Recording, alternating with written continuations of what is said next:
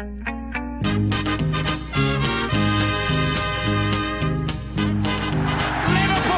are champions of Europe again. Liverpool are prize winners again. Liverpool is in the record books.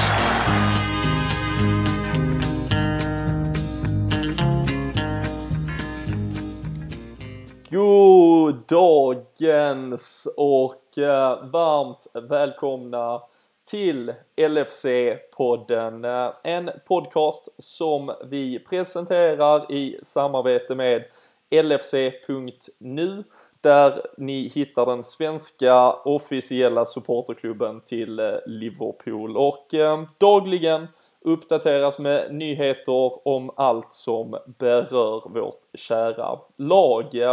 Har också med oss vår eh, alltid ständige partner Sam Dodds såklart som eh, arrangerar vår resultattävling och eh, mer om just resultattävlingen mot Arsenal kommer alldeles strax. Eh, jämnt skägg på många håll där med 0-0 resultatet som det blev. Just idag så är vi också väldigt, väldigt glada att presentera två nya samarbetspartners och eh, det är eh, dels BättreOdds.se en eh, sajt som erbjuder speltips inom all sport, stor fokus på fotboll såklart. Och eh, nu här den 29 augusti så startar de dessutom Tipparnas kamp där eh, tre experter som de har plockat fram eh, tävlar om titeln Den bästa experten genom att leverera så bra spelförslag som möjligt. Och ehm, där kommer ni också, om ni vill, eh, så kan ni utmana de här experterna och vinna exklusiva t-shirts. Ehm, men kika in på betrodds.se för ehm, spelförslag och även hur ni kan plocka ut lite bonusar från flera stora spelbolag. Vår andra partner idag det är eh, Google-optimerarna Modifinder som hjälper företag att ta sig till toppen av världens största sökmotor. Och eh, för mer information om dem och hur de kan hjälpa just ditt företag så är det bara att klicka sig in på modifinder.se och eh, de vill gärna lite klyschigt säga You never search alone eh, till er där ute. Så eh, uh, Betrodds.se och Modifinder hänger med oss under dagens sändning och med det så kan vi sparka igång ett rejält smaskigt avsnitt. Vi har Arsenal-match att dissekera vi har West Ham som väntar till helgen. Vi har en Mario Balotelli som nu har landat i Milano. Och eh, dessutom, sist i dagens avsnitt så är det premiär för tilläggstid. Eh, ett nytt inslag i podden som eh, vi kan nämna lite mer om senare men när själva vanliga avsnittet är slut i alla fall så häng kvar för där kommer mera. Men eh, för att kunna beta oss igenom hela detta så eh, har vi samlat våra trupper. Viktor Fagerström, Robin Fredriksson, Fredrik Eidefors. Eh, Viktor, dagen efter 0-0 mot Arsenal, är man glad eller lite bitter? Får man inte vara båda? Det är om du, så länge du kan balansera dina känslor så är det lugnt. Jo, men det är väl någonstans det. Då ska jag vara ärlig och erkänna att det är mest glad ändå. Mycket positivt att ta med sig från matchen och ligga på sju poäng efter tre matcher med, med en bortamatch mot Arsenal eh, inkluderat där. Så nej, jag, jag är nöjd. Härligt. Fredrik, eh, Arsenal eh, har alltid varit lite av en mardrömsmotståndare för dig vet jag dessutom fa familjefejden eh, orsakar lite extra känslor. Eh, Kan du gå med stolt, stolt huvud idag känner du? Ja, jag hade ju kunnat gärna tagit 0-0 dagen, eh, dagen innan matchen och även på förmiddagen innan med tanke på hur jag kände inför matchen. Men eh, som Viktor säger så, ska, så är man väl både glad och bitter på samma gång. Och det, det är väl eh, inte ofta man är det när man kommer från Emirates direkt. Så att, eh, ja, det, det, har, det har funkat bra i alla fall i familjefejden också. För att säga. Det har inte varit mycket snack efter, dagen efter faktiskt. Så det, det är lugnt tror jag. Ja, det, det känns bra det. Och ehm, för din del eh, Robin, eh, det, var, det var mycket fotboll igår, både Djurgården, Liverpool. Eh. Vad, vad känner du så här efter Emirates-besöket?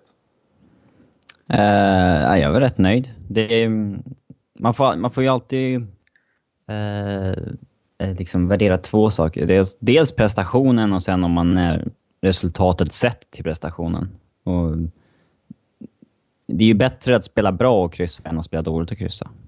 Ja, det, verkligen. Och, och det blev ju en match som eh, till stor del bjöd på två halvlekar. Vi fick se eh, två lag som visade sig från sina bästa sidor. Vi fick se två målvakter som var fullständigt fantastiska och uh, massa detaljer att dyka ner i. Men om vi, om vi startar i alla fall med uh, de ändringarna och det laget som Brendan Rodgers eh, ställde ut på Emirates. Ehm, Jordan Henderson visste vi sedan tidigare, han var osäker och det blev som befarat att han missade matchen på grund av skada kan dessutom se ut att missa lite mer här framöver och eh, under dagen så kom det även fram uppgifter om att Adam Lallana var skadad och missar matchen också där, kan missa några veckor. Ehm, utöver det så blev det Jordan Ibe som fick kliva ut och ehm, in i startelvan så kom Emre Can som har gjort inhopp under säsongen men också Lukas Leiva tillbaka från frysboxen och eh, Firmino kom in eh,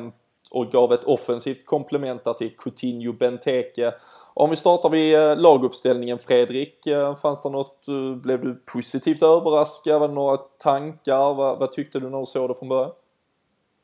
Eh, ja, hade Lallana inte varit skadad så hade du, han ju troligtvis startat och inte Firmino. Eh, tyckte att man kände lite på honom att han eh, att han inte är hundra liksom inne i det, det, det får man ju faktiskt ge honom också. Men eh, det var inte så mycket överraskningar kan jag tycka. Jag, jag har alltid velat eh, att vi ska ha någon form av städgumma framför försvaret och det, han blev ju Lukas alltså som en tredje mittback nästan igår och det, det behövdes. Så att, eh, men det var inget, inga, inga stora utropstecken eller frågetecken enligt mig utan det var ungefär som jag hade ställt upp det sett till förutsättningarna. Mm. Viktor, hur, eh, hur chockerande eller så här ska man se det som att, att Lukas går från, från läktaren rakt in i startelvan. Eh, Kom det bara av att Henderson saknades nu eller kan Rodgers ha känt att han ville ha en renodlad defensiv mot just Arsenal? Vi pratade ju om det där kompakta mittfältet väldigt mycket förra veckan. Alltså, man hade ändå vant sig lite vid att eh, Lucas var, nog var på väg att försvinna där med rykten hade tagit fart igen och helt ur truppen fast han inte hade någon skada. Så eh, lite förvånad vart det ändå att han kommer in rakt in i startelvan även om det, det skrevs lite om det under dagen från de lokala journalisterna. Och Men är det kändes... inte, har det inte varit så här typ fyra år i rad att Lukas ryktas försvinna i augusti och så kommer helt plötsligt en match där oj nu behöver vi honom.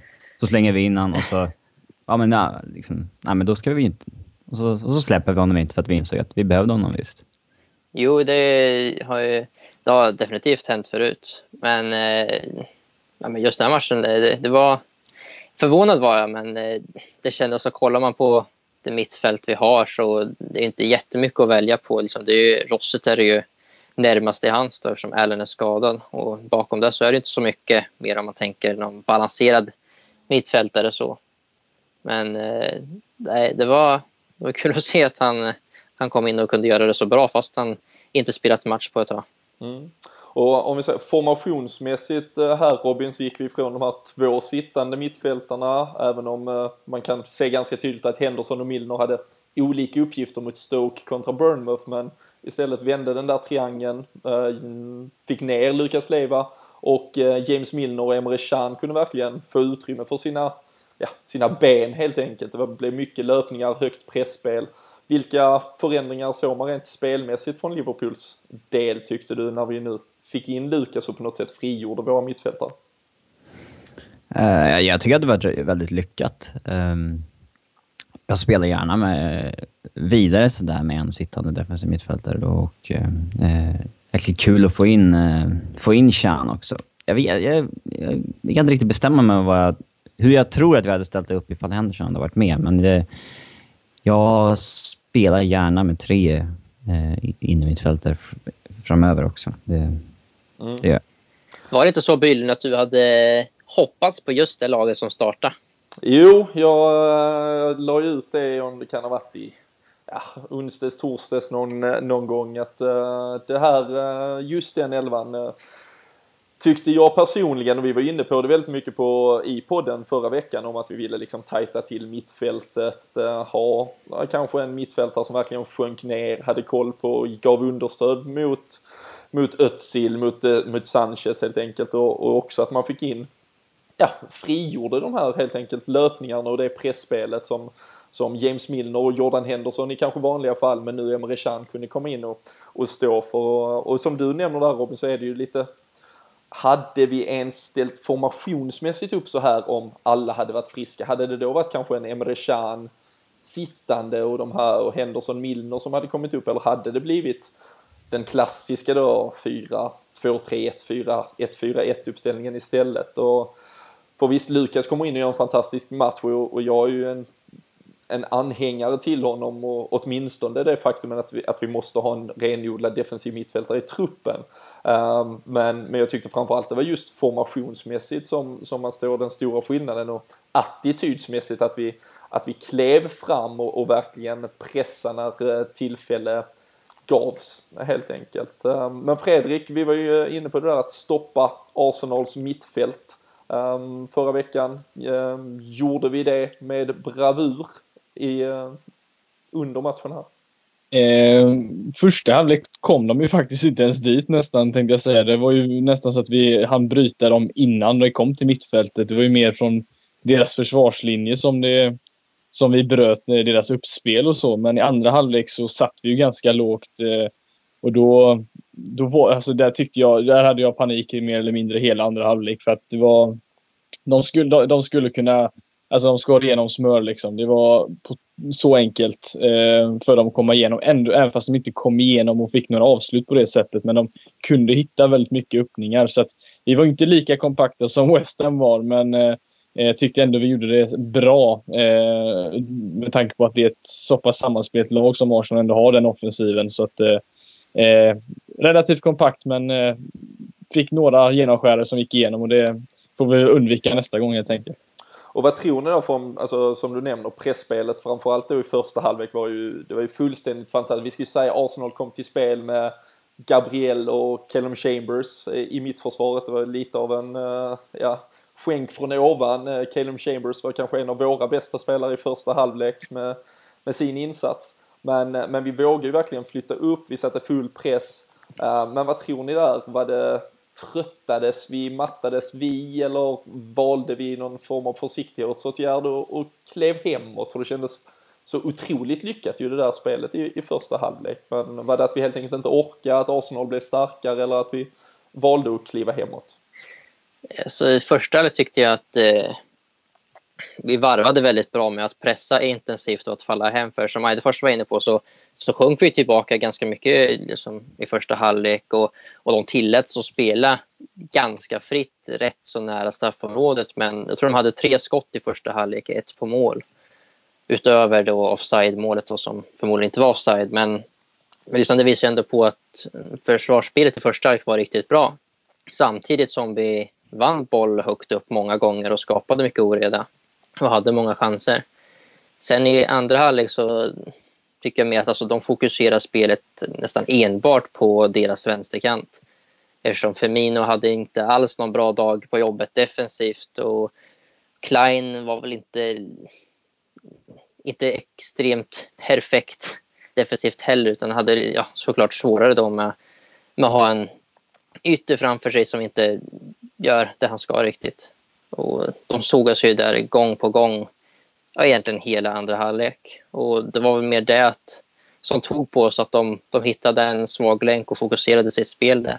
Mm. Ja, de spelar ju i stort sett hela andra halvlek spelar ju både Özil och Alexis Sanchez vänsteryttrar i stort sett för, eh, för Arsenal. Eh, du var inne på det där eh, Roberto Firmino fick, eh, fick sin första match från start. Eh, ni nämnde att kanske bidragande faktor i Lalanas skada. Vad tyckte du annars Robin om vad brassen hade att, att erbjuda nu när han fick chansen från start här? Jag skulle säga, jag såg ju den här matchen i, i efterhand. Och det blir alltid, det blir alltid lite annorlunda att... Lite mer avslappnat framförallt. Ja, nu är jag ett avslappnad alltid när jag ser matcherna, men eh, eh, det är ändå inte samma nerv till exempel när motståndaren har en fast situation och så vidare. Och sen så följer man inte Twitter under matchen så man påverkas ju inte av vad andra, andra säger och tycker om... Alltså, man gör ju det om man följer Twitter oavsett om man vill göra det eller inte. Liksom. Mm. Eh, men... Och jag blev rätt eh, imponerad av Firmino. Jag tyckte att han, eh, framförallt i alla fall i första halvlek, att det var liksom... Jag, jag gillar vad, han, vad, man ser av honom. Att han verkar vara en riktigt bra tvåvägsspelare. Han såg vad han kunde helt enkelt. ja, men det är väl lite så här, Typ som att man scoutar honom. Man försöker identifiera vad han har för egenskaper. Så ja, det här är en, Det här kommer vi kunna utnyttja. Det här kommer, vi, det här kommer han vara bra på. Eh, och han är ju CP-nära att spela fram eh, Bentekes 1-0 mål liksom. Eh, så där, jag, jag varit faktiskt rätt imponerad av honom. Eh, och blev... Eh, jag var ganska förvånad när de bytte ut honom faktiskt. Men det...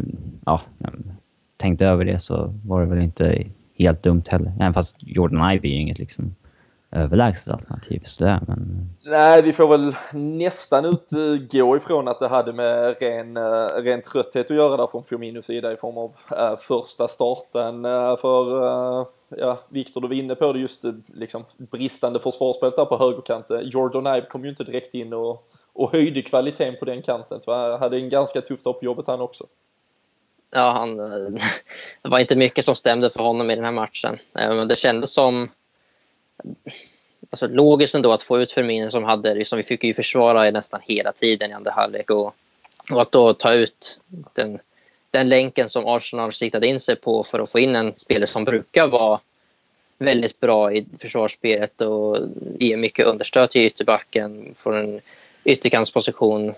Liksom, det kändes ändå logiskt kanske, även om han kanske inte får så mycket ytor och svårt att hitta rätt i vanliga spelet. Så, men men han kom inte alls in rätt i matchen och jag vet inte hur många korrekta pass han hade egentligen till rätt spelare. Det kan Nej. inte ha varit så många. Många, många bolltapp också.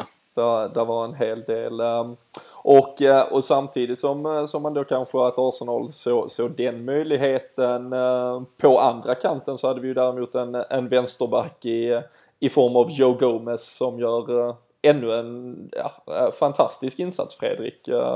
En 18-årig högerfotad mittback som numera är en av Premier Leagues eh, vassaste vänsterbackar.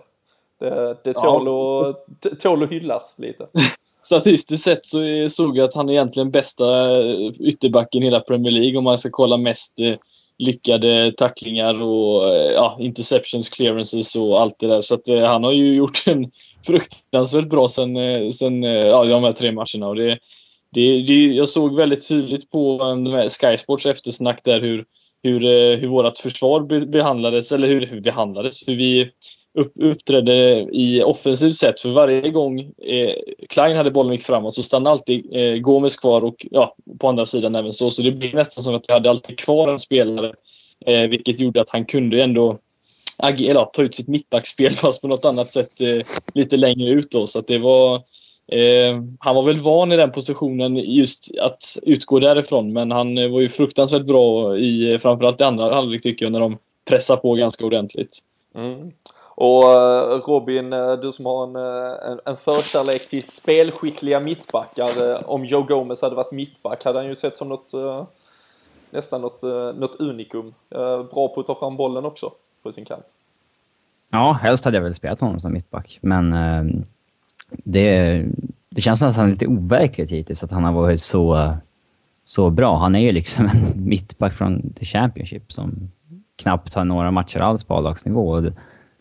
Han spelar ju till vänster liksom, där han eh, ja, inte har spelat tidigare. Så det känns ju lite, lite overkligt. Och det här var, egentligen, det här var ju det första testet. Nu skulle han liksom möta en Sanchez, Özil och så vidare. Och det klarade ju det med, med bravur. Ja, de, de, de lämnar den kanten efter 45 minuter så det är väl, uh, man kan inte få mycket mer uh, beröm än så. Och väldigt roligt också uttagen till engelska U21-landslaget idag tillsammans med Jordan Ibe från, från Liverpool-truppen. Så ett erkännande även på den nivån helt enkelt. Men Fredrik, vi, vi håller också vår, vår tredje nolla här med en samspelt backlinje, med en Mignolet som gör det helt fantastiskt. Vi kan eh, hoppa in, in där lite sen också, men eh, vad tror du det betyder för, för framtiden nu att vi har fått den här trygga starten i, i de bakre leden och kan liksom bygga på det?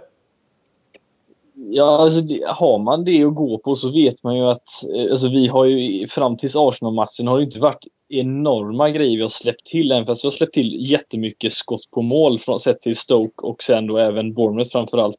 Så har vi inte eh, liksom varit skakiga på det sättet som vi var förra, i slutet av förra säsongen då vi fick se ja, något utav det sämsta vi har sett Liverpool göra på senare tid. Men nu känns det som att det är en annan stabilitet. Och det är samma sak bara att kolla på en Dejan Lovren som vi har kritiserat en hel del på sistone. Men han tyckte jag ju var den bästa mittbacken vi hade igår.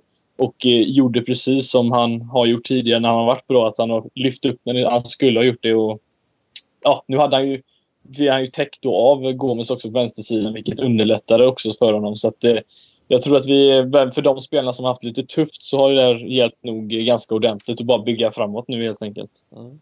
Är det inte väldigt skönt också på något sätt att liksom man kan ju tvista kring det här att Alberto Moreno på pappret är en bättre vänsterback, men att vi just, att Rodgers också, för det är ju nästan lite mot hans princip, att han verkligen har valt att bygga en stabil defensiv och sen får liksom det andra komma, att han, att han för en gång skulle ha börjat i detta ledet Robin. Ja, alltså kontinuitet är ju otroligt, otroligt viktigt i en backlinje. Eh, sen är det ju inte de... Jag hade ju bytt ut tre av dem vi spelar, alla, alla alltså även som det ser ut idag. Men... Det, alltså, det går ju alltså, liksom inte längre att klaga ändå på det som, som finns. Alltså, tre matcher är bara tre matcher. Det är, det är egentligen ingen stor uh, sample size att förlita sig mot. Men det är ju, alltså jag ser hellre att vi behåller samma backlinje eh, liksom, över längre tid än att vi än att de jag vill ska spela, spela fem matcher, sen så spelar de inte på fem matcher, sen spelar de fem matcher igen. Utan liksom, det blir inte bra för någon. Uh, så att... Uh, uh, det, det, det, får väl fortsätta så här tills det, tills det fallerar helt enkelt. För att det, alltså vi, jag tror inte det kommer, vi kommer inte hålla någon av varje match. Det kan ju vara lite för mycket att begära men, eh, men som sagt, jag tycker eh, eh, oavsett nollor eller inte, jag tycker det har sett bättre ut defensivt än vad det ja, kanske har gjort de två senaste säsongerna i stort sett. För två år sedan hade vi en Luis Suarez som ofta räddade oss i, i andra änden men just försvarsspelet har ju varit ett, ett stort problem. Viktor, den här fem, femmanna eh, i form av Mignolet och, och fyrbackslinjen. Eh, vad, är, vad är dina tankar kring det och hur, hur viktig den stommen nu är för ett, ett fortsatt bygge under säsongen? Jag känner väl att alla i den femman har gynnats otroligt mycket av att vi har haft en helt annan approach till matcherna den här säsongen med en taktik som tänker att vi planen är att vi ska ligga ganska lågt när vi inte väl sätter i pressen. Och att, alltså, kollar man mot Arsenal, kolla på Lovren och Skeletor, hur många gånger behövde de röra sig bakåt eller tackla i sidled utan de, de ligger djupt och sen attackerar de bollen framåt. De är aggressiva framåt och får liksom nicka framåt. Och det, alltså, både de och Lukas är ju sådana som gynnas av det. Och liksom att Gomes då inte behöver liksom täcka så mycket yta på sinken att du inte kan släppa liksom längs med långsidan och falla in eh, jämte låren. Det, liksom, det, det stödjer alla. Hela laget blir mer kompakt av det. Och alltså, det är ju det som Lovren, Skertel och Lukas, är, det är sådana spelare som verkligen behöver det för att fungera. Alltså, vi har ju klagat mycket på Lukas, men det är ju oftast när vi har satt liksom press över hela banan och liksom inte haft något annat tänk utan vi ska pressa så mycket det bara går. Då måste han täcka ja, ända från backlinjen och ända upp till offensiva mittfältare och det blir för stor yta för honom. Samtidigt här... som Skertel och Lovren då får liksom ta 30 meters dueller med strikers och, och det passar inte dem alls. Det ska bli intressant också att se Lukas utan Gerard. De två funkade ju aldrig liksom ihop. Det, det blev ju aldrig bra på något sätt. Nej, och liksom det, alltså ska man spela Lukas så är det ju i den här rollen egentligen. Alltså, där han får vara den ensamma städgumman och både ha två löpvilliga spelare framför sig.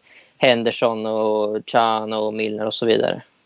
Så. Jag minns ju någon, det var, det måste ha varit under eh, den, den framgångsrika säsongen för, för två år sedan när vi under hösten ändå inte hade satt spelet helt och hållet. Då vet jag att vi gjorde just den där rotationen och lät Lukas spela ensam defensiv. Så gick ifrån den där ja, 2-1 till en 1-2 och också gjorde det med, med, med väldigt, väldigt, alltså mycket framgång stundtals. Um, och där kanske Lukas har, har varit lite liksom ja, lost helt enkelt i, i positionsspelet vad gäller att spela två stycken där han kanske är absolut bäst att spela helt ensam och verkligen få, få sitta tillbaka, inte behöva blanda eh, offensiva och defensiva uppdrag helt enkelt. Ehm, Spurs-matchen, den 5-0 var ett jättebra exempel på det måste jag säga. Just när du hade mm. Henderson och Allen som pressade fruktansvärt mycket och han kunde ligga där och läsa av spelet. Och nu på något sätt kan man ju säga att Henderson och, eller Milner och Chan hade samma typ av ja, positioner där. Att när de låg väldigt högt upp och pressade han kunde ligga liksom och ja, söka liksom vad, vad kommer emot honom helt enkelt. Och det, det brukar faktiskt funka väldigt bra för honom också. Mm. Um, om vi stannar lite vid Lukas, det, det, är svårt att inte göra det just idag här med tanke på det har varit mycket snack eh, den senaste veckan framförallt att eh, han skulle vara på väg till Turkiet till Besiktas, eh, om det skulle vara ett lån eller ett köp och det, enligt rykten skulle han till och med ha varit på ett flyg tisdag morgon för att flyga till Turkiet men eh, efter sin fantastiska match här mot Arsenal så, så säger Brendan Rodgers att eh, äh, Lukas ska ingenstans äh, Viktor. Kan, kan du reda ut lite vad som har hänt och var vi, var vi står just nu?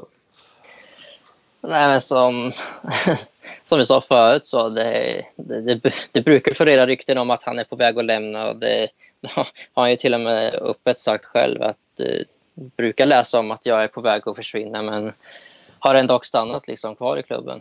Och, som Roger sa nu efter matchen att han är liksom, verkligen med i framtidsplanerna och högt aktad av både han själv och spelarna och ledarna.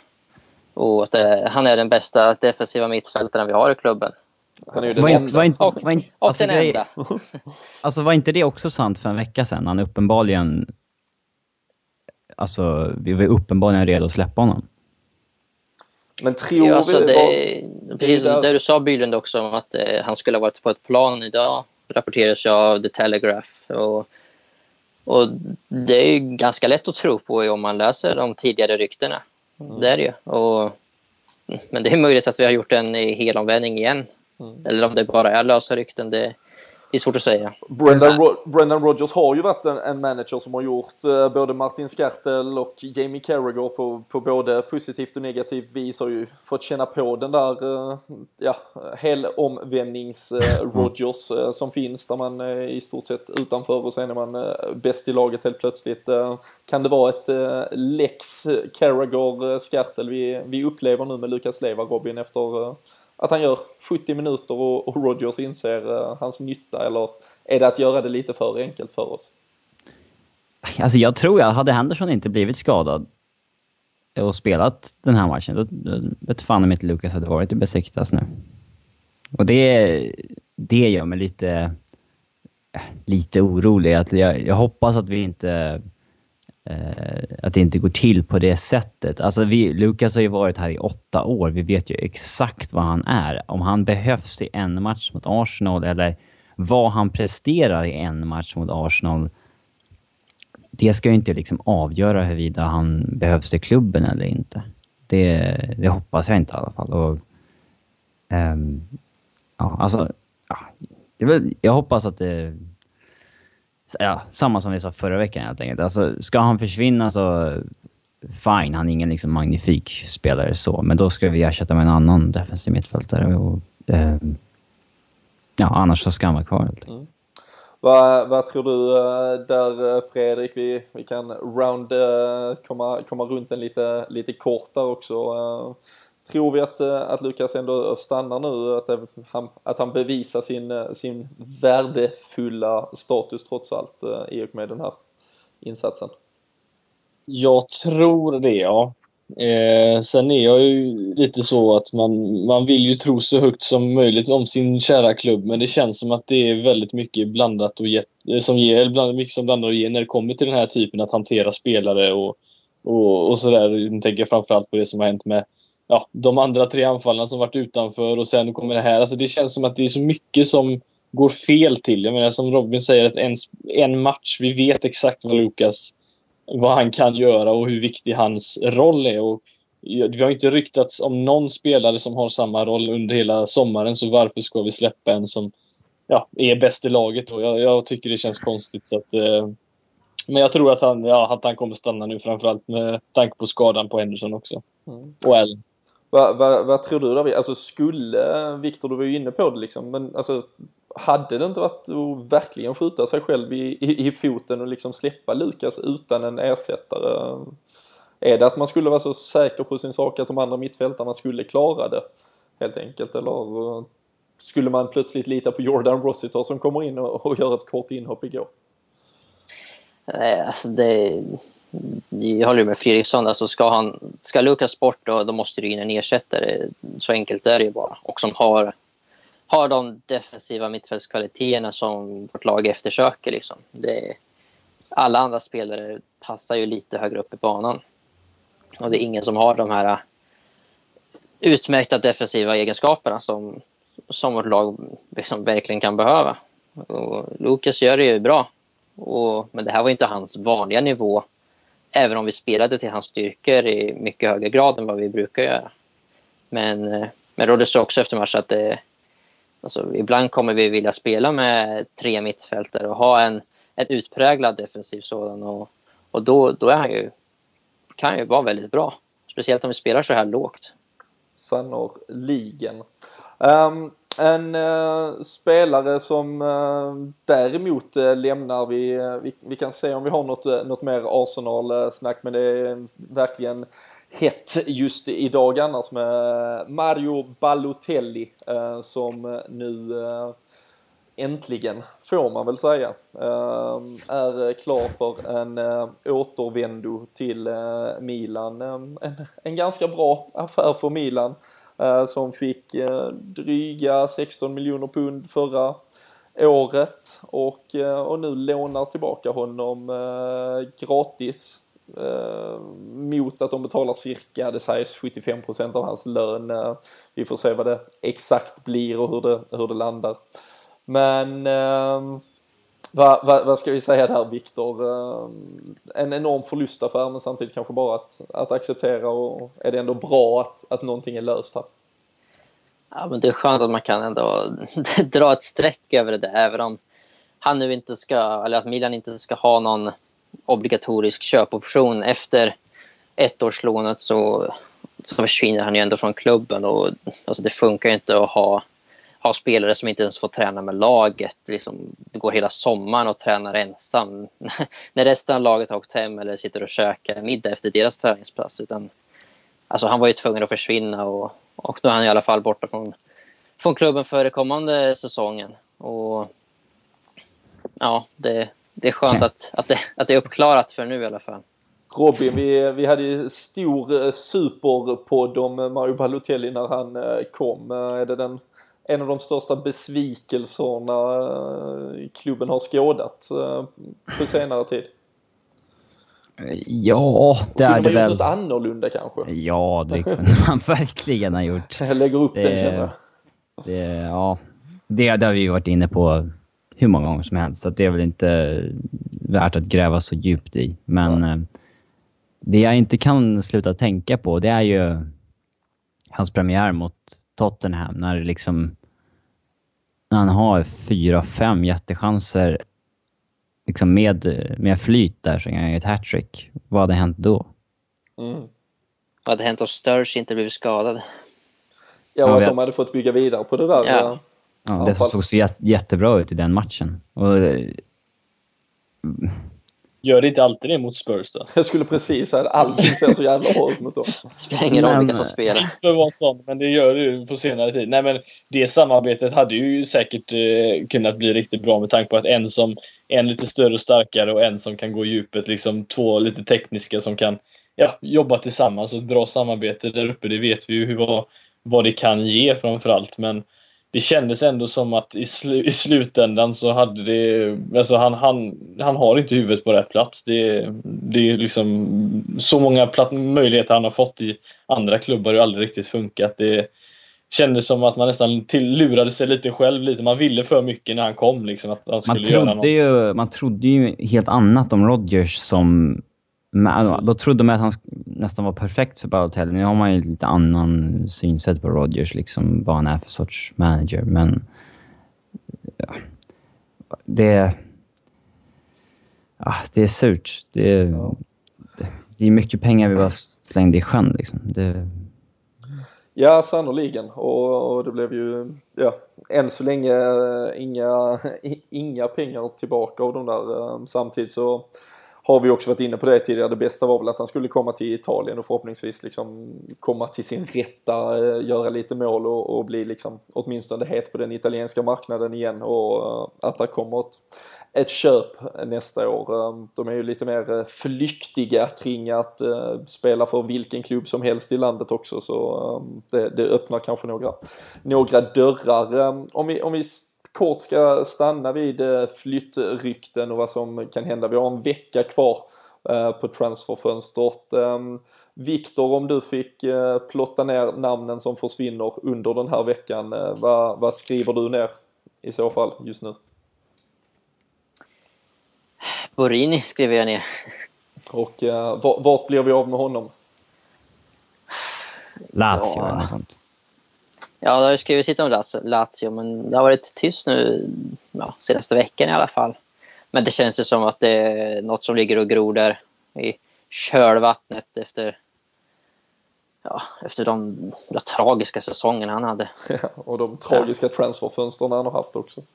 Ja, ja men det, det, det känns inte som att eh, han säger emot om han får flytta nu. Det, jag tror han har samlat på sig de pengarna han behöver och förstått att det ingen speltid betyder ingen speltid så länge det inte är borta mot Real Madrid. Nej, det, Men var, var det inte... Alltså, förra sommaren var det liksom inte så att han... Han var väl bara genuint trött på att flytta igen. Liksom. Att han, fan, han sa ju innan han kom också att han hade varit i fyra klubbar på mindre än typ två år. Och han ville vara på ett och samma ställe nu. Och sen när han kom tillbaka från Sunderland på lånet där så ville han inte ut igen helt enkelt. Det var... Men... Men det, det var märkligt alltihop. Han, det han, att hade nog, eh, han hade nog kunnat tänka sig att flytta till, eh, till, till London egentligen om, eh, om QPR hade lagt tillräckligt med pengar i, i lönekuvertet där. Så vi får väl, vi får väl se vad som händer där. Förra veckan annars när vi, när vi satt här så, så kritade några av oss även upp eh, Mamadou Sakho på en, på en sån där eh, flyttlista. Eh, där har det däremot eh, hänt lite eh, Robin och nu sägs det att han är erbjuden ett nytt kontrakt trots att han varit utanför truppen nu var på bänken mot Arsenal. Ja, det är väl lite svårtolkat eh, från Liverpools sida. Men eh, ja, jag vet inte, om, om inget förändras på, på spelfronten så tror inte jag att Sako signar det avtalet. Så att, Ska det åtminstone ses som någon indikation på att han inte lämnar åtminstone under sommaren? Eh, nej, jag tror... Alltså skulle han officiellt nobba det närmsta dagarna och då tror jag kan, mycket väl att det skulle kunna bli en försäljning sista dagarna på fönstret. Vi, eh, vi, vi ser eh, vad som händer där. Vi, eh, vi, vi trollades lite in på Balotelli där från, från Lukas och, och från Lukas kom egentligen från Arsenal-matchen. Innan vi lämnar den helt så, så känner jag bara Simon Mignolet. Vad, vad har hänt med honom Fredrik?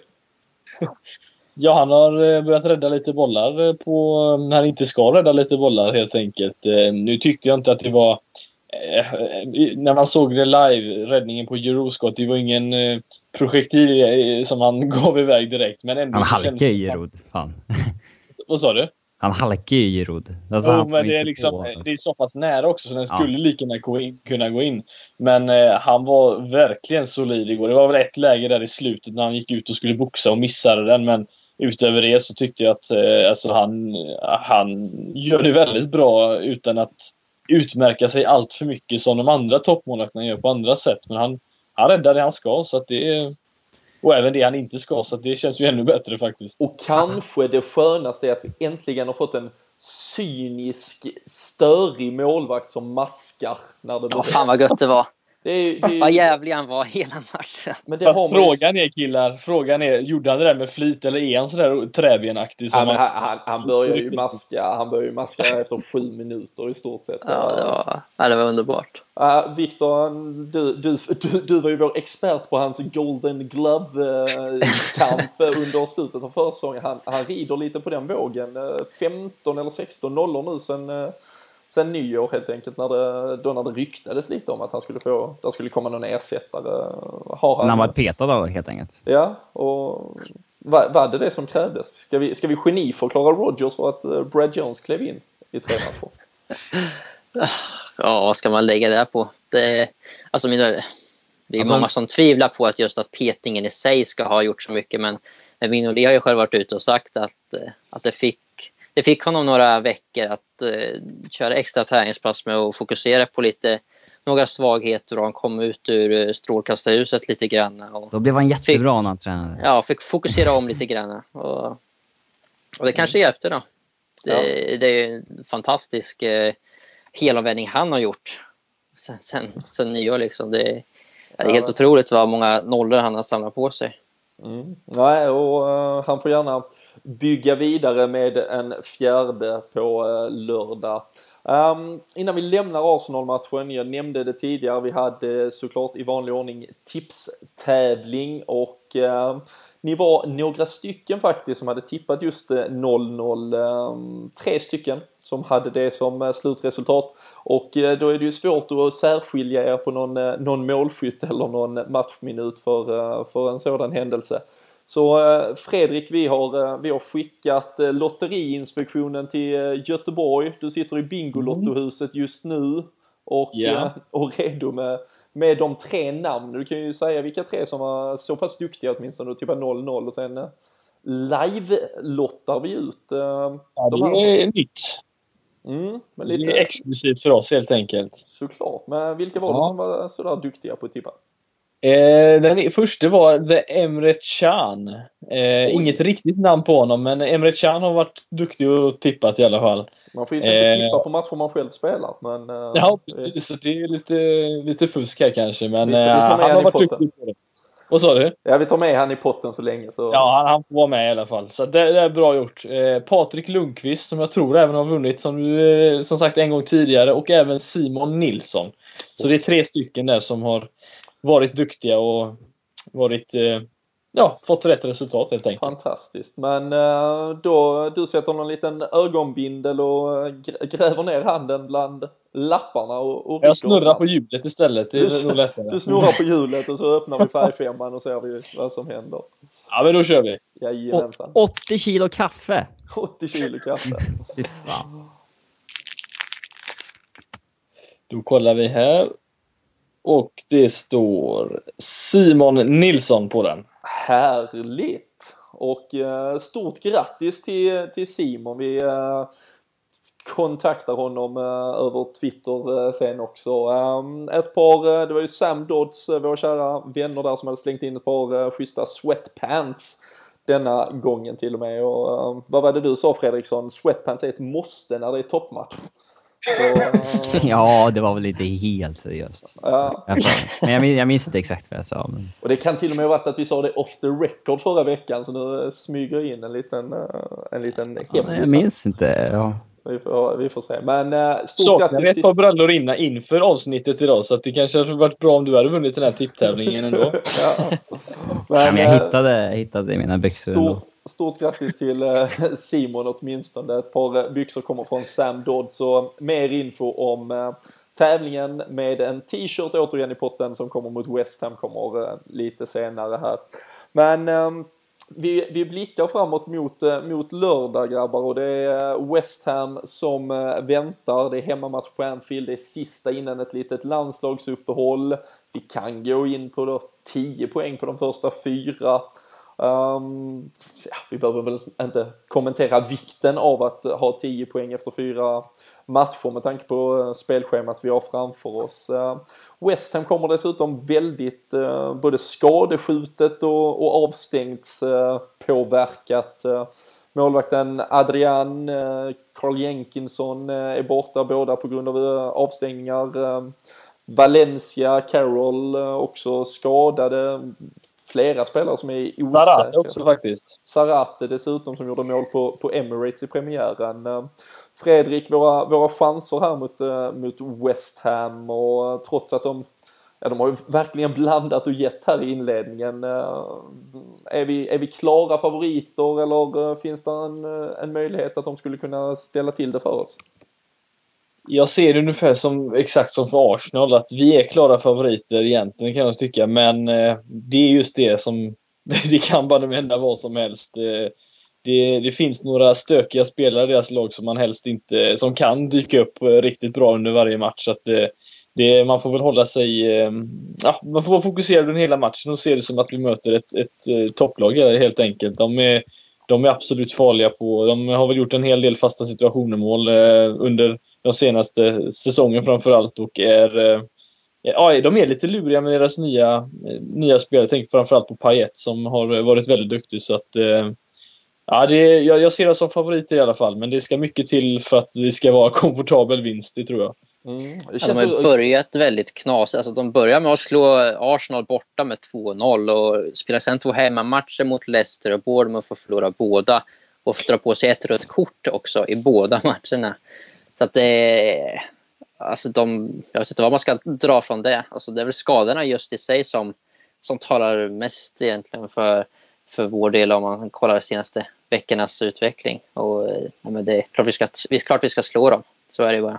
Och just i, i form av Adrian som var riktigt, riktigt bra under, under fjolåret när, när West Ham gick så bra under perioder och även inledde fantastiskt mot Arsenal. Eh, där har vi ju ännu en gång kanske lite av en blessing in disguise från, från våra motståndare att, att, han, att han saknas åtminstone. Men eh, nu har vi varierat oss från eh, ja, två likadana startuppställningar med lite olika inställning och sen fick vi ju då korrigera, ändra lite mot Arsenal. Jordan Henderson tros vara borta även till helgen, även Adam Lallana då med sin skada. Vi, vi får väl se, Jordan Henderson skulle ju från tomma intet kunna vara aktuell igen. Men um, om, om han inte är det Robin, hur, eh, hur hade du velat eh, ställa upp och vilken approach ska vi ha? Är det dags att liksom, ja, faktiskt attackera ett, ett lag nu, uh, en match från start? Ja, jag hade väl gärna fortsatt med eh, Firmino, Benteke, Coutinho längst fram. Och sen... Eh, ja, det blir väl Sean Milner och... Mm, ja, man kan väl... Jag, jag är väl inte emot om vi kör samma lag som eh, mot Arsenal. Det, det blir väl enklast så. Eh, egentligen. Mm. Alternativt flytta ner Coutinho som en av de två centrala mittfältarna och in med en Aib eller en Markovic på en kant. Mm. Uh, Lazar Markovic eh, som, som, vi, som vi nästan borde också och kanske nämna nu just för att du, du kommer in på han inte ens i truppen någon av de tre första matcherna. Ingen av er som har, har nämnt honom för en, eh, ett lån eller försäljning men... Uh... Borde ju nästan ske någonting om man inte ens är med i truppen för första tre matcherna liksom. Det... Ja, det känns nästan lite så som vi ändå sitter på om Ibe nu ändå är före och säger att han blir skadad, då har vi ändå Origi som kan, som kan gå ut och spela ytter eller vad man ska kalla det i viss mån. Och Ings har också en del erfarenhet av det. Även det kanske inte är optimalt, men, men att låta Markovic slå sig förbi alla dem för att få speltid, det, det, för mig tycker jag att det är lite knapert med speltid för en spelare som, som verkligen behöver det. Alltså, han är ju i samma situation som Ibe. Han är ung och behöver speltiden för att utvecklas. Och, och jag tror inte Europa League-spel och inhemska kupper blir, gott nog. Men ja, han kan, alltså, han, det skulle kunna ske något som, som med Lukas, att han går in och liksom, han är den som får chansen nästa gång nu av han och Aib. Det, det är möjligt att det, att det kommer ske så snabba byten mellan de två. Men det är ju en sån sak man kanske hade velat se då mot West Ham just eftersom Ibe startar två matcher inte riktigt imponerat, kommer in mot Arsenal och är direkt svag. Då känner man väl om inte Markovic ens kliver förbi nu så, så gör han det kanske inte förrän någon bryter benet i stort sett. Nej, det känns ju som att det vore befogat nu att och, och ta in honom före Aib. Men eh, ja, vi får se hur det blir där. Fredrik, eh, hade du eh, behållit en Lukas Leiva när vi nu ska bli, bli fullständigt spelförande på ett helt annat sätt? Eh, fortsätta vara det försiktiga Liverpool som, som Brendan Rodgers numera har skapat? Ja, jag skulle nog jättegärna sett faktiskt samma lag. Eh, framförallt då för att det känns som att eh, våra mittfältare framför honom kan eh, med eh, lite mer, mindre försiktighet faktiskt gå framåt och, och pressa då. Eh, och, så att, och det hade jag absolut inte haft något problem att göra. Men eh, om det är så att nu vi då kommer behålla bollen mestadels eh, så eh, Ja, då hade jag väl inte haft något emot att ha en mer spelskicklig mittfältare, men samtidigt så eh, är det inte bara så att vi kommer hålla bollen precis som Barcelona gör, utan vi kommer även kontras på oss. Så att, eh, jag hade jättegärna sett samma lag. Eh, jag har inte, inte haft något problem med det. Nej. Viktor, eh, alla assisterande coacher här från poddpanelen har eh, varit inne på samma lag. Hade du kunnat eh, tänka dig några ändringar? Alltså, det, det känns som det är ganska många som är självskrivna. Det är svårt att, att göra så stora förändringar nu. Och Brothers har ju sagt att det, det blir svårt att slå sig in i laget nu innan, innan landslagsuppehållet. Och liksom, det skedde ju förändringar nu på grund av två skador just. Och, alltså backlinjen kommer ju inte hända någonting med och Milner är ju så oklar. Och, både Chan och Lucas gör det ju så pass bra ändå och Chan har gjort det bra i tidigare inhopp. Och, och Firmino, Benteke och Coutinho är ju självklara där framme. Så jag, jag tror det är mycket troligt att det blir samma just. Jag Jag hoppas, hade- kan hoppas då lite på Markovic på, på bänken i alla fall. Och ett inhopp möjligen. Ja, jag hade personligen kanske tyckt att det var ganska, just för att West Ham, vi, alltså fysiskt eh, starka, deras mittbackspar framförallt, det har ju alltid varit, eh, ja, rena rama eh, kaoset nästan och framförallt det har ju varit mycket, mycket styrka och mycket närkampsspel där. Det ska bli väldigt kul att se Benteke, eh, men, men hade kanske varit lite kittlande att ha en eh, Danny Ings eh, tillsammans med honom på topp och kanske spela någon eh, 4-4-2 med en diamant. Eh, inte för att det lär hända, men eh, tycker det hade varit ganska kul att se kanske för att jag tror att vi blir så pass spelförande. Se en Emre Can sitta istället med Milner, Coutinho och Firmino i eh, tian helt enkelt och, så, och Ings bredvid Benteke. Um, för att få det där djupledsspelet bakom uh, när Benteke är uppe och, uh, och stångas. Men ehm, föga troligt kanske att vi, att vi har en så pass, ja, oavsett det är ju inte många spelare som ska in och ut men uh, formationsmässigt att vi får se något helt nytt. Känns Det är ju avlägset. så tidigt på säsongen också, men man vill ju ändå se de nya spelarna som Ings och Rigi längre fram, liksom vad de kan göra. För att det är, Tänker man på den här den goda gamla tiden när man liksom bytte ut Torres när han... Och tog han in en Gog. Vad sa du? Och tog in en Gog. Ja men alltså när man, man, han hade gjort två, tre mål och så tänkte jag äh, vi kan väl byta ut honom och sätta in någon annan helt enkelt. Vi, det är ju inga sådana tider längre. Utan eh, nu eh, måste man liksom vill man ju se alla, alla lirare liksom, nu när de har kommit in och det känns det som Ings före Origi i alla fall. Det var ju lite, det är lite oroande det här med alltså Ings, för det var ju liksom det vi sa, eller det, det jag minns att jag sa, jag minns inte om någon hann med, men det var ju det att det är ett intressant köp så, men ska han inte spela så känns det ju rätt onödigt. Liksom, för det finns ju någon potential där, men han måste ju spela för att nå den. Och Mm. liksom, eh, blir det bara lite Europa League-matcher så känns det rätt bortkastat. Men är det inte ganska mycket eh, just en sån här hemmamatch och innan vi har Daniel Sturridge tillbaka. medan Roberto Firmino kanske slits lite i, i sin form. Lite Lex Markovic där, är det inte just i ett sånt här läge han kanske borde få chansen i så fall? Jo. Men föga troligt ändå, Nej. eller? Nej, jag tror inte det. Nej. Vi, eh, vi, eh, vi får se helt enkelt. Men eh, en, en ganska ge, gemensam syn på att det blir en något sånär liknande startelva. Ehm, jag slänger in min lilla uh, korrigerande att Lukas kanske kliver ut och Ings kommer in. Det är åtminstone vad jag hoppas och det, det fungerar ju mot. Arsenal.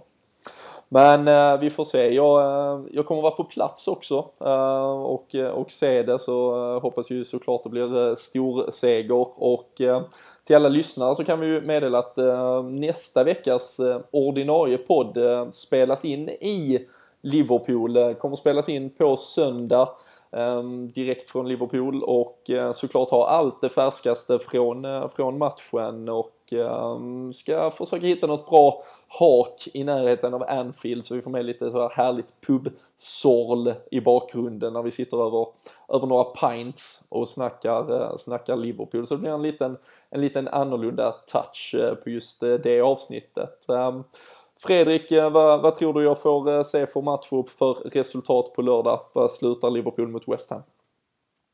3-1 Liverpool. Härligt, målrikt och bra. Robin Fredriksson, du var ju på plats eh, ett år när vi slog West Ham med 4 eller 5-0 vet jag. Uh, Adam Sack gjorde mål. ja, precis, när han Så jag dundrade in trodde, trodde att det var. Uh, men Får, jag se något liknande eller vad blir det? ja, jag tror att vi vinner med 3-0 eller någonting. Mm, 3-1, 3-0. Viktor Fagerström, är det äntligen dags för en 4-0? Nej, det är 2-0. 2-0. Vi- får vänta på fyran. Ehm, Jag, ber om ursäkt. Ja okej, ja, men då, då, då slänger jag in eh, 4-0. Ni har tagit tvåan och trean. Ehm, jag tror nog 3-0 egentligen, men jag måste ju eh, skilja mig här från, eh, från, från mängden. Så, så 4-0 får bli eh, mitt eh, tips i så fall. Um, om eh, du där hemma vill vara med och ha chansen att vinna en eh, t-shirt eh, från Sam Dodds så kan du också tippa vad du tror om utgången i Liverpool West Ham. Där kommer information på vårt Twitterkonto. Det hittar du på LFC-podden. Enkelt och bra sådär.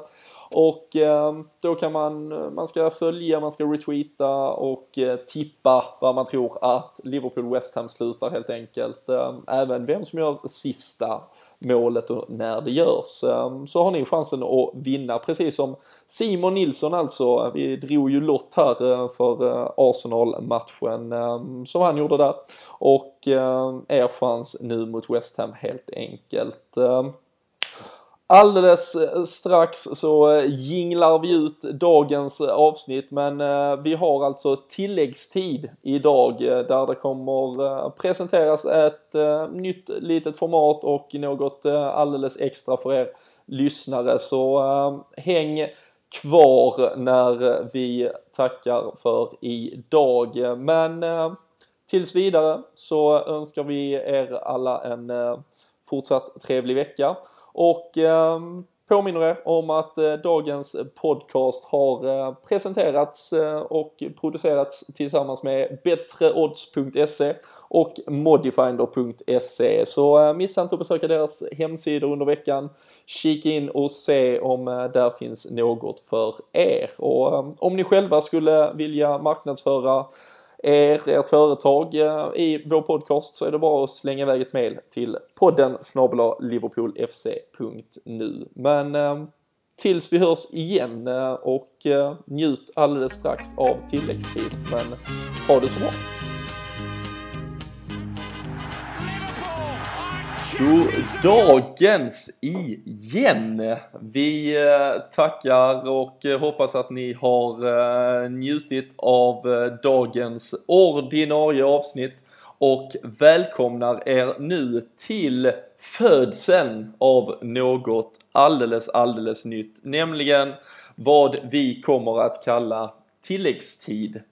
Och eh, det här kommer vara ett eh, inslag som kommer att dyka upp lite då och då, varannan, var tredje gång helt enkelt i samband med ordinarie podcast. Så eh, självklart, precis som nu här så kommer vi flagga för det så att ni inte stänger igen butiken redan vid eh, den slutvinjetten. Utan stannar och hänger med oss in på några minuters eh, snack om eh, historia, om legender, om spelare, ledare som har byggt upp Liverpool till vad Liverpool är idag.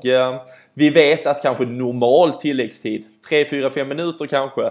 Vi känner inte att det räcker. Vi, vi tar lite inspiration hos en viss rödnäsa i Manchester som fick så mycket han ville och eh, brassar helt enkelt på med vad vi känner att vi behöver för att komma runt dagens eh, ämnen.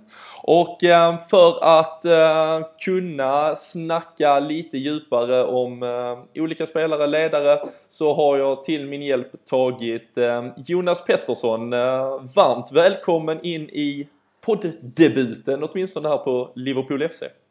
Tack så hemskt mycket. Jag måste nog faktiskt säga att det är nog en debut i poddvärlden. Jag har lyssnat alldeles för mycket på poddar hit och dit men eh, jag har aldrig fått möjlighet att prata. Men det, det, ju, det måste ju ske någon gång och det sker ju nu och det är kul. Ja, och uh, att det sker kring uh, Liverpool kanske gör det hela ännu tryggare på något sätt. Ja, men det känns lite som att man syr ihop hela paketet i och med att många timmar av dagens vakna tid ägnas, i alla fall i huvudet, åt detta kära fotbollslag och denna kära stad. Så att det vore väl skam att inte börja sin poddkarriär i en sån här vackert samtalsämne. Ja, och eh, du, du är bosatt i Örebro men eh, har inte helt och hållet eh, Viktor Fagerströms eh, djuprotade dialekt än så länge. Nej, jag har väl bott här sedan 99. Jag är från Sörmland från början så jag, jag tänker inte anamma den nu så här efter jag har bott nästan 20 år. Viktor får stå för den närkingska dialekten i den här podden. Ja, det är bra. Um, annars lite, lite kort om dig själv. Hur, uh, hur började Liverpool-förälskelsen? Uh, min bror är väl egentligen, han är han, sju år äldre än mig och han hade väl Liverpool som sitt favoritlag så det är ganska så här tråkig standardsvar. Sen var det så här att jag tror att det var säsongen 85-86 någon gång där. Då kom de till kära gamla Eiravallen i Örebro och då åkte vi in till Örebro från där jag kom ifrån och såg dem möta ett sådär kombinerat länslag på deras klassiska försommarturné. Ehm, så då var det hela ligan med Daglish, Hansen, Mörby, Rush och Grubbelar och allihopa. Så där sprang man med sitt, sitt ehm, autografblock och sen den dagen så har jag nog varit fast faktiskt. Så Eiravallen är vad då vad numera de stora cricketarenorna i Australien är för, eh, för Liverpool helt enkelt? Ja, kanske inte samma, in, eh, samma högljudda You Never Walk Alone på Eiravallen 86 där men eh, nej, det, det var en... Jag vet inte om jag har hittat det där autografblocket men någon gång ska det, ska det fram. Mm, där, eh, där ligger några Det ligger några godbitar. Ja. Det som numera är en selfie med en spelare var ju då ett autografblock. Liksom. Det har ju gått framåt, eller bakåt eller vad man ska säga. Såklart. Och um, ganska passande så nämnde du ju en av eh, de, de riktigt stora där som du fick eh, äran att se redan då. Um, Kenny Dalglish och uh, kanske föga förvånande så är han också först ut uh, som uh, legend och han, han egentligen han sammanfattar ju allt det där vi sa att vi kunde prata spelare, legend, tränare. Mm. Han är ju allt och uh, den, uh, den kanske självklara första uh, mannen att hyllas när vi, när vi pratar Liverpool och dess historia. Ja, alltså vi, vi, vi tänkte väl det att istället för att liksom tycka illa om klyschor så omfamnar vi klyschan nu och börjar helt enkelt med, med King Kenny. Det, det känns bra och på något sätt kanske en speciellt med tanke på sin comeback som manager ändå någon som alla har ett, ett, ett band till och på något sätt har någon connection till oavsett när man är född också. Men eh, vi ska ta det lite, lite djupare, ta det lite längre tillbaka, höra historien om, eh, om denna konung som kom att födas och bli, eh, ja egentligen bli bli Liverpool Football Club i slutändan. Och eh, du får gärna ta oss med från, från de tidiga dagarna och framåt. Och längs vägen kommer vi stanna till lite, dyka ner i några specifika händelser. Det kommer komma lite frågor. Och eh, fem i antalet blir det och ni kommer sedan att kunna eh, vara med och tävla helt enkelt genom att svara på de här fem frågorna. Skicka in svaren till podden snabel liverpoolfc.nu. Märk gärna i ämnesfältet tilläggstid så kan vi lätt sortera fram er. Och i potten så eh, kommer Sam Dodds, våra trogna vapendragare, att eh, bidra med ett presentkort på 200 kronor som man kan shoppa fritt i eh, deras butik helt enkelt.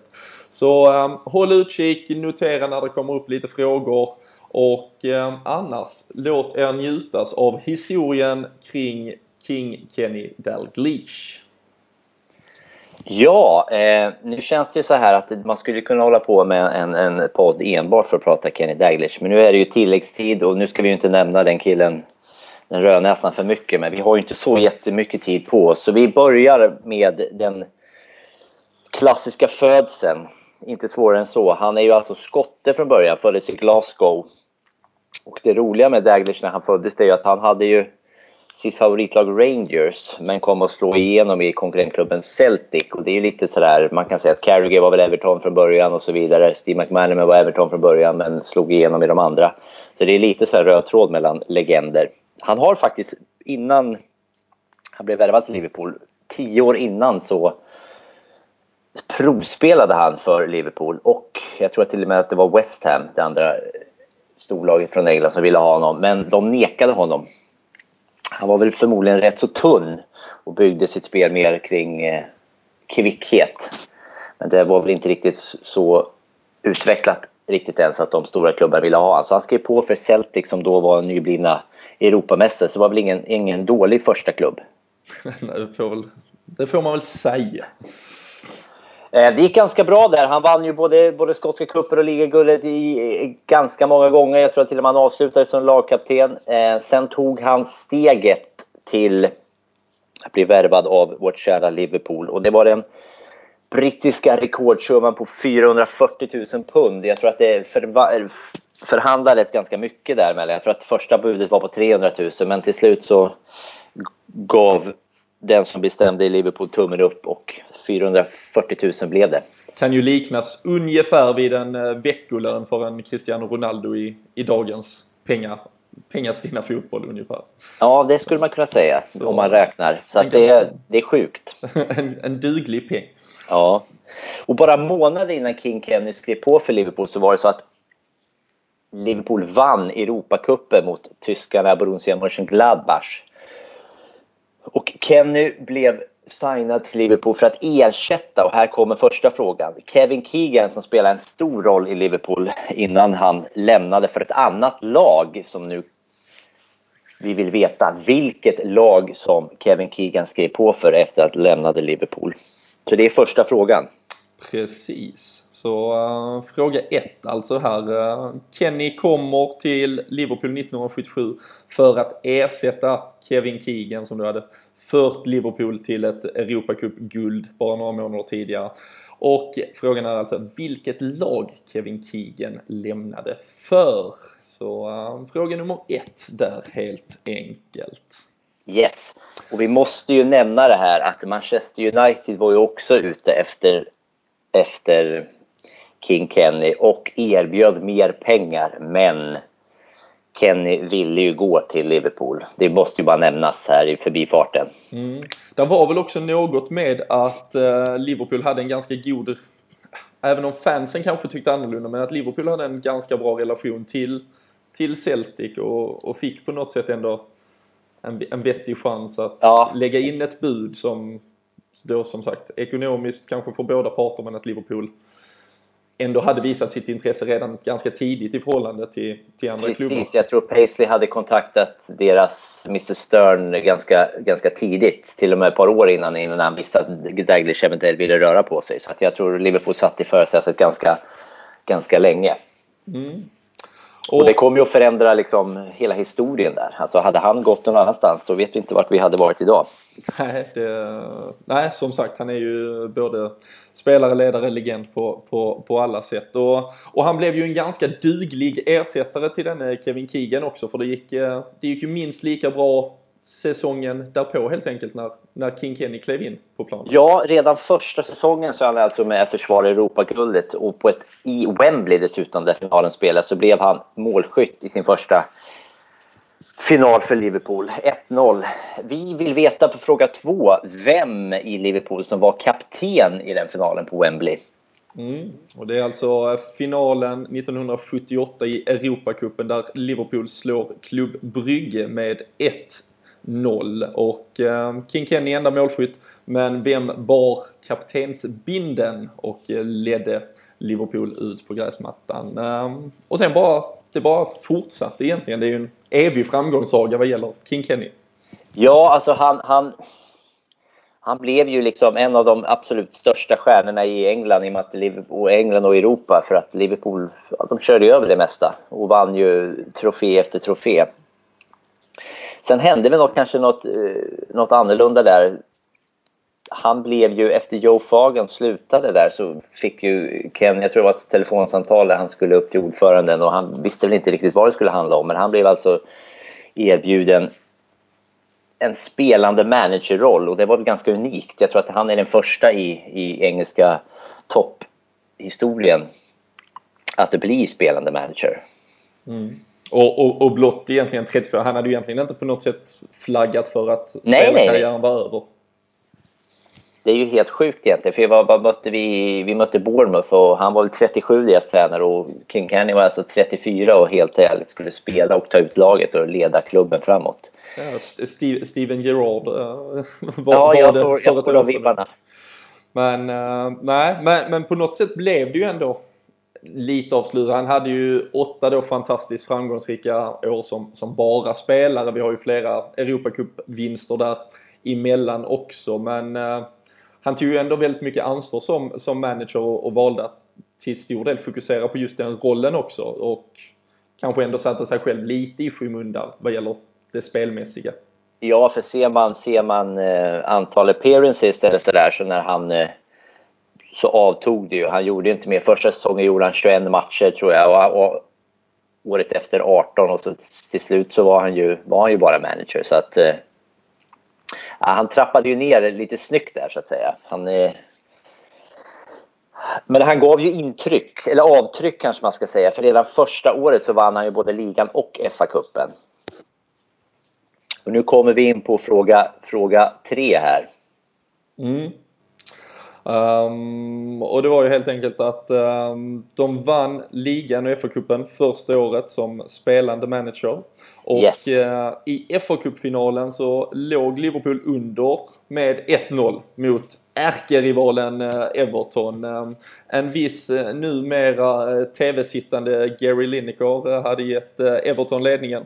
Och eh, Liverpool eh, såg sig dock inte så deprimerade utan kunde lösa uppgiften, vände och vann genom att göra tre mål i andra halvlek. Eh, det förtäljer inte hur många målskyttar som de här tre målen fördelades på men vi vill gärna veta vilka målskyttarna var. Eh, det var mer än en åtminstone. Så uh, vem stod för målproduktionen i andra halvlek när Liverpool vände fa Cup-finalen mot Everton säsongen 85-86? Helt enkelt. En Istanbul light kan man väl säga, tre mål i en halvlek. Precis. Föregångaren till Istanbul, höll jag på att säga. Mm. Nej, som sagt, sen började ju Kenny Daglish sparsamt trappa ner. Han gjorde som sagt bara 18, 18 eh, framträdanden efter det. Jag tror att det var 6-7 mål det året. Istället så försökte han satsa på lite yngre spelare så han värvade in både den mustaschprydde som såg ut som Rush, John Aldrich och senare Peter Beardsley och de blev ju väldigt stora i klubben de också. Absolut. Och... Jag tror att han sista, förlåt vad skulle du säga? Nej, nej just att det som sagt återigen där med fingertoppskänslan så, så lyckades han, han leda till, till ännu ett, ännu ett ligaguld. Ja, och året... Jag tror han tog tre år på rad där och sen året 88-89 gjorde han faktiskt inga framträdanden alls i A-laget. Och först 1990 två år efter förra inhoppet så gjorde han sin sista match mot Derby County då hade han alltså fyllt 39. Jag tycker det är ganska unikt faktiskt. Jag är 37 år och jag skulle ju inte, ja. och, du, och, du, och du är inte beredd att kliva in mot Jag ska Derby spela County? Korpen ikväll jag kommer inte kunna gå på en vecka efteråt. Så man undrar hur han lyckades. Men det är väl bra. Det är isbad och, och pilsner var på den tiden. Ja, uh, vet också att han alltid drack en eh, Mountain... eh, nej, vad, inte, vad heter nu den här skotska eh, drycken? Uh, ni, det får ni... jag ska googla, jag ska ta reda på det. Det står i hans biografi åtminstone. Ja. Alltid kvällen innan. Han har eh, någon sån här typisk skotsk eh, läsk, läskeblask som smakar väl sådär. Men eh, han drack alltid kvällen innan match åtminstone. Um, och eh, där kom ju också ganska snart slutet på hans både spelar och ledarkarriär. Vi, ehm, vi har inte valt att gå in på hela Hillsborough-episoden som såklart satte otroligt djupa spår och det, det hade känts nästan förnärmande att försöka eh, Ja, ta sig runt den på, på två sekunder ungefär. Men ehm, Vi vill ju vara lite glada också vi vill här. ju det. Och, eh, men, men samtidigt så kan vi väl konstatera att det var till stor del det som, som fick honom att, att kliva av till slut eh, i februari 1991 när han, inte, när han helt enkelt inte orkade med mer av framförallt kanske vad, vad just Liverpool betydde för honom och hur han kom att må där. Men eh, 515 matcher som spelare, 172 mål, 307 matcher som manager och han bärgade inte mindre än totalt 8 ligatitlar, 2 FA-cupvinster, 3 Europacupvinster, 4 ligacupvinster, en europeisk supercup och fem så kallade Charity Shield, eh, Community Shield, vi kan kalla det vad man vill här. FA-cupvinnaren mot ligavinnaren helt enkelt. Men ehm, där på något sätt var ju det, det första och kanske ändå riktiga slutet eh, på, på Liverpool-eran. Men ehm, han kom tillbaka till fotbollen. Han kom tillbaka och jag känner ju det så här när man läser upp det där vad han vann och allting. Så jag var ju, då var man ju verkligen, jag skäms ju för att säga det, man var ju verkligen, jag var ju verkligen medgångssupporter på den tiden. Det var, det var ganska enkelt att heja på Det var Liverpool. enkelt att vara Liverpool-supporter nu och det, jag gillar ju att det är svårare nu men jag skulle ju faktiskt vilja ha lite mer titlar om jag ska vara helt ärlig. Men du det var enklare förr. Det var det. Nej, så han kom ju tillbaka. Han klev ju av och sen en kort tid senare eh, så klev han på ett, ett projekt, kan man väl säga att det var på den tiden. Blackburn Rovers. Som han förde- Utan, utan oljepengar dock. Inte... Exakt. Senare var det kycklingpengar, men det var väl innan kycklingpengarna också. ja, precis. Han förde upp dem från Division 1, som det inte hette då, men andra divisionen och sen helt, hela vägen till ligaseger 1995. Och det är väl det laget som har tagit en titel förutom de stora klubbarna under Premier League-eran. Precis. Sen var det återigen en liten time-out på obestämd tid, men sen var han tillbaka och ännu en gång ersatte han den briljante Kevin Keegan. Den här gången var han i kaosklubben Newcastle United. Ja, och där, eh, det, det är inte lätt för någon manager att lyckas där, känns det som. Nej. Och inget tror- undantag för Kenny. Nej, och inget undantag redan på slutet av 90-talet. Nej, precis. Men det var, gick, väl lite, gick väl lite sådär för honom, men han tog ju dem faktiskt till, till, till Champions League en gång och det ska han väl... Det, för att vara det i Newcastle så är ju det, det är ju precis hur stort som helst. Absolut. Men, eh, men ack så fungerade det ändå inte i, i slutändan. Det, Alan Pardew kan ju intyga om att eh, man, man gör ingen glad genom att vara duktig en, en kort session där åtminstone. Men eh, sen kom han eh, ytterligare tillbaka, om vi ska kalla det en, eh, en tredje comeback och på något sätt kanske den mest, eh, den viktigaste i, eh, i Liverpool-minne åtminstone när han eh, efter en horribel första halva eh, på säsongen när Roy Hodgson hade kommit in och skulle vara vår frälsare som skulle eh, ta oss till nya höjder, vilket inte riktigt gick. Så, ehm, så ringde ju ehm, ganska nytillträdda FSG som bara hade varit där sedan eh, oktober då året innan, ett par månader. Sett det här förfallet på nära håll och eh, ville ha in stabiliteten. Så, eh, så de hörde av sig till King Kenny. Ja, och då kommer vi faktiskt tillbaks till fråga fyra där. Jag vill alltså, eller vi vill alltså veta vilket datum det var King Kenny tog över efter Roy Hodgson när han fick sparken. Vi vill ha korrekta året och korrekta datumet i månaden så att säga för att få poäng på det. Och, vi, och det är ju helt enkelt vilket datum han tog över. Så ingenting vad har med första matchen Nej. eller något annat. Utan vilken dag han presenterades som eh, då tillförordnad eller ja, då var det ju lite vikarierande manager så fick han ju förlängt sen med, med ytterligare ett år där. Därefter. Ja, och vi ska väl tacka Benitez där som var väl han faktiskt som tog, som tog tillbaka Daglish där vid 2009. Att han fick liksom en roll som klubbambassadör och liksom han Benitez förstod väl storheten mm. i Daglish där och stärkte upp klubben ytterligare här tyckte jag genom att ta in han. Och det är också en roll som han eh, äntligen kom tillbaka till nu också för, för inte så länge sedan efter att han äh, lämnade ju efter att han fick det där eh, helåret sen efter eh, att ha klivit in och, och räddat oss under en halva och sen försvann han lite och, men, men finns nu kanske i den rollen som också är den som passar honom perfekt. Att, eh, att vara den ambassadör han, han verkligen är för klubben. För det är ju heller ingen, det råder inga tvivel om hur, hur populär och hur stor han är i, i Liverpool-kretsar. Nej, och då kommer vi osökt in på den sista frågan.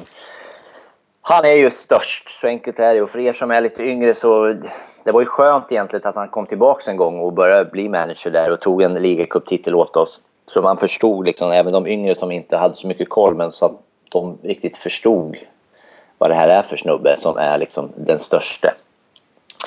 Och på officiella hemsidan redan år 2006 så var det ju en den här klassiska omröstningen som hette Players Who Shook the Cop. Den vann ju han överlägset 2006. Men fråga 5, vi vill veta vem det var som kom på andra plats i den omröstningen. Det finns ju två stycken sådana, en 2006 och en 2013. Men vi vill veta den 2006, vem det var alltså som kom efter King Kenny på den listan. Precis.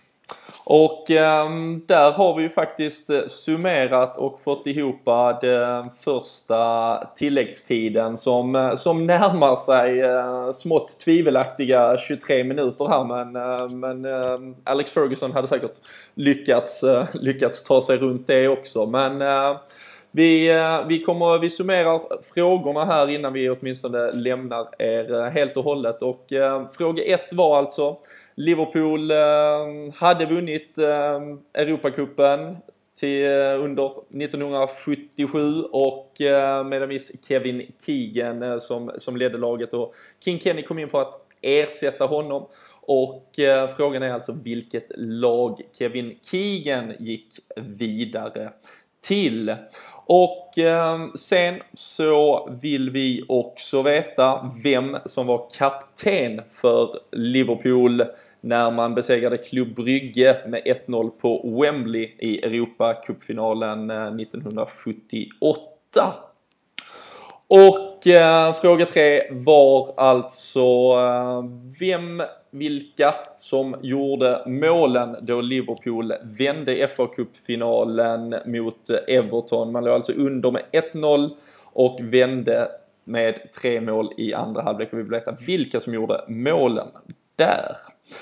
Och eh, fråga fyra är alltså vilket datum King Kenny återvände som manager, som tillförordnad manager efter att Roy Hodgson hade eh, ja, ett skepp som läckte vatten och King Kenny fick ta över rodret. Eh, vilket datum var det? Och sist men inte minst alltså, vem kom tvåa i den där omröstningen 2006 eh, bland Players Who Shook the Cup? King Kenny ohotad detta då, notera alltså 2006 års omröstning. Vem kom tvåa? Um, Jonas, yes. jag eh, tackar och bockar. Jag hoppas och tror att alla där ute i stugorna gör det också. Lite historia kan vi aldrig få för mycket av. Och eh, du är tillbaka igen om eh, någon vecka där vi eh, plockar upp någon ny eh, legend, någon spelare, manager som betyder något för klubben och eh, ser helt enkelt vad vi har om Precis. honom. Ja, det kommer bli, nästa omgång kommer det bli den person som eventuellt har betytt allra mest för mig. Och då är det alltså inte Steven Yard som är det självklara svaret. Nej, vi, vi, läm vi lämnar det lite som en cliffhanger tycker jag. Ja, jag kände så, det. Det blev en bra cliffhanger. Så hörs vi igen om några veckor. Men uh, tack så mycket för nu. Och ha det tack själv.